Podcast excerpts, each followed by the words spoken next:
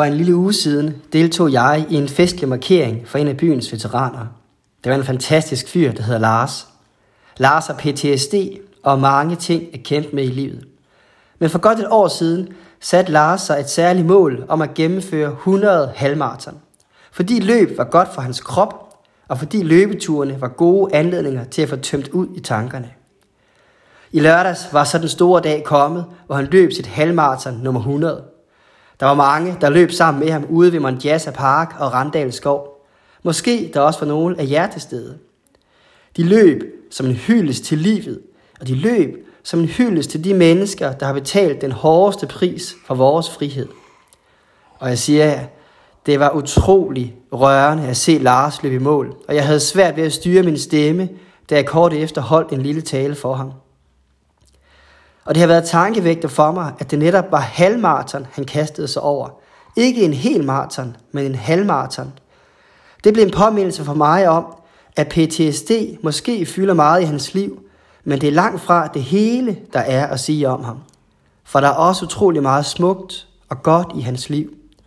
Sygdommen og lidelsen er altså kun den halve sandhed. Det forhold tror jeg, at vi er mange, der kender. Folk har måske lært en side af os at kende. Den festlige side. Den del med sygdom. Den del med faglige ambitioner på jobbet. Eller noget helt andet.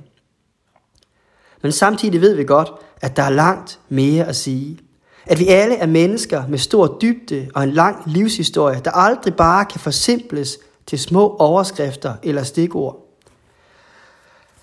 Det møder jeg hver eneste uge, når jeg som præst får det privilegium at komme ind i de private rammer hos mennesker, der deler deres livshistorie og deres inderste tanker. Og derfor kigger jeg også på alle jer, der er her i aften, med nysgerrighed og med vidshed om, at I hver især bærer på mange forskellige typer bagage. Der er måske noget i jeres liv, der skinner som sommersolen. Der er måske noget, der gør så ondt, at I har mest lyst til at brænde det på det store bål. Prøv at kigge rundt på hinanden med den nysgerrighed, at vi alle rummer langt mere, end vores øjne kan skue. Hvad må jeres nabo gemmer på af spændende historier og særlige interesser? Hvad må jeres nabo bære på af smertefulde ar? Og hvad må jeres nabo tænker på, som I endnu ikke har spurgt ind til? De fleste af os taler med mange forskellige mennesker hver eneste dag. Det er som regel både hyggeligt og sjovt og rart at dele tanker og oplevelser med andre. Men jeg oplever ofte, at der sker det, som jeg kalder for samtalernes kampplads. Samtalernes kampplads. I sådanne samtaler vogter vi ubevidst hele tiden på, når der kommer et stikord, så jeg igen kan komme til ord. Vi bruger sætninger som, ja det minder mig også om, eller når du siger det, så kommer jeg til at tænke på, eller det er sjovt, du siger det, for min søn har faktisk også sagt lidt firkantet. Man er ikke reelt interesseret og nysgerrig i at høre, hvad den anden siger. For det handler hele tiden om at finde det sted i samtalen, hvor jeg igen selv kan komme til ord.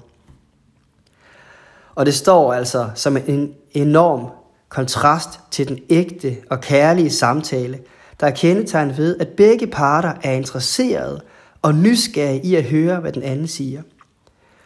I den slags gode samtaler bruger man mest energi på at lede efter de gode spørgsmål, og begge parter giver gerne ordet til den anden. Og en sådan samtale er der både energi og nerve i.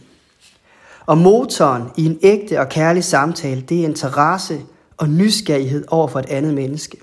Og det springer ud af den grundstilling, at alle andre mennesker kan give mig noget. Ja, nogle gange er det faktisk dem, der er mest forskellige fra mig, der kan lære mig mest. Og derfor øver jeg mig i at være oprigtig nysgerrig. Jeg øver mig i at lytte og stille gode spørgsmål. Eller sagt med en one-liner.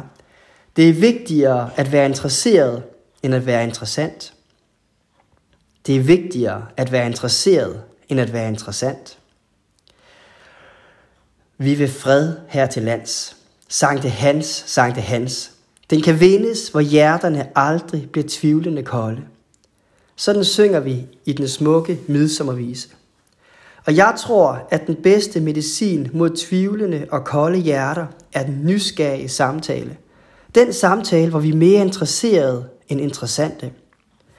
Det er også en af årsagerne til, at den kristne tro betyder så meget for mig.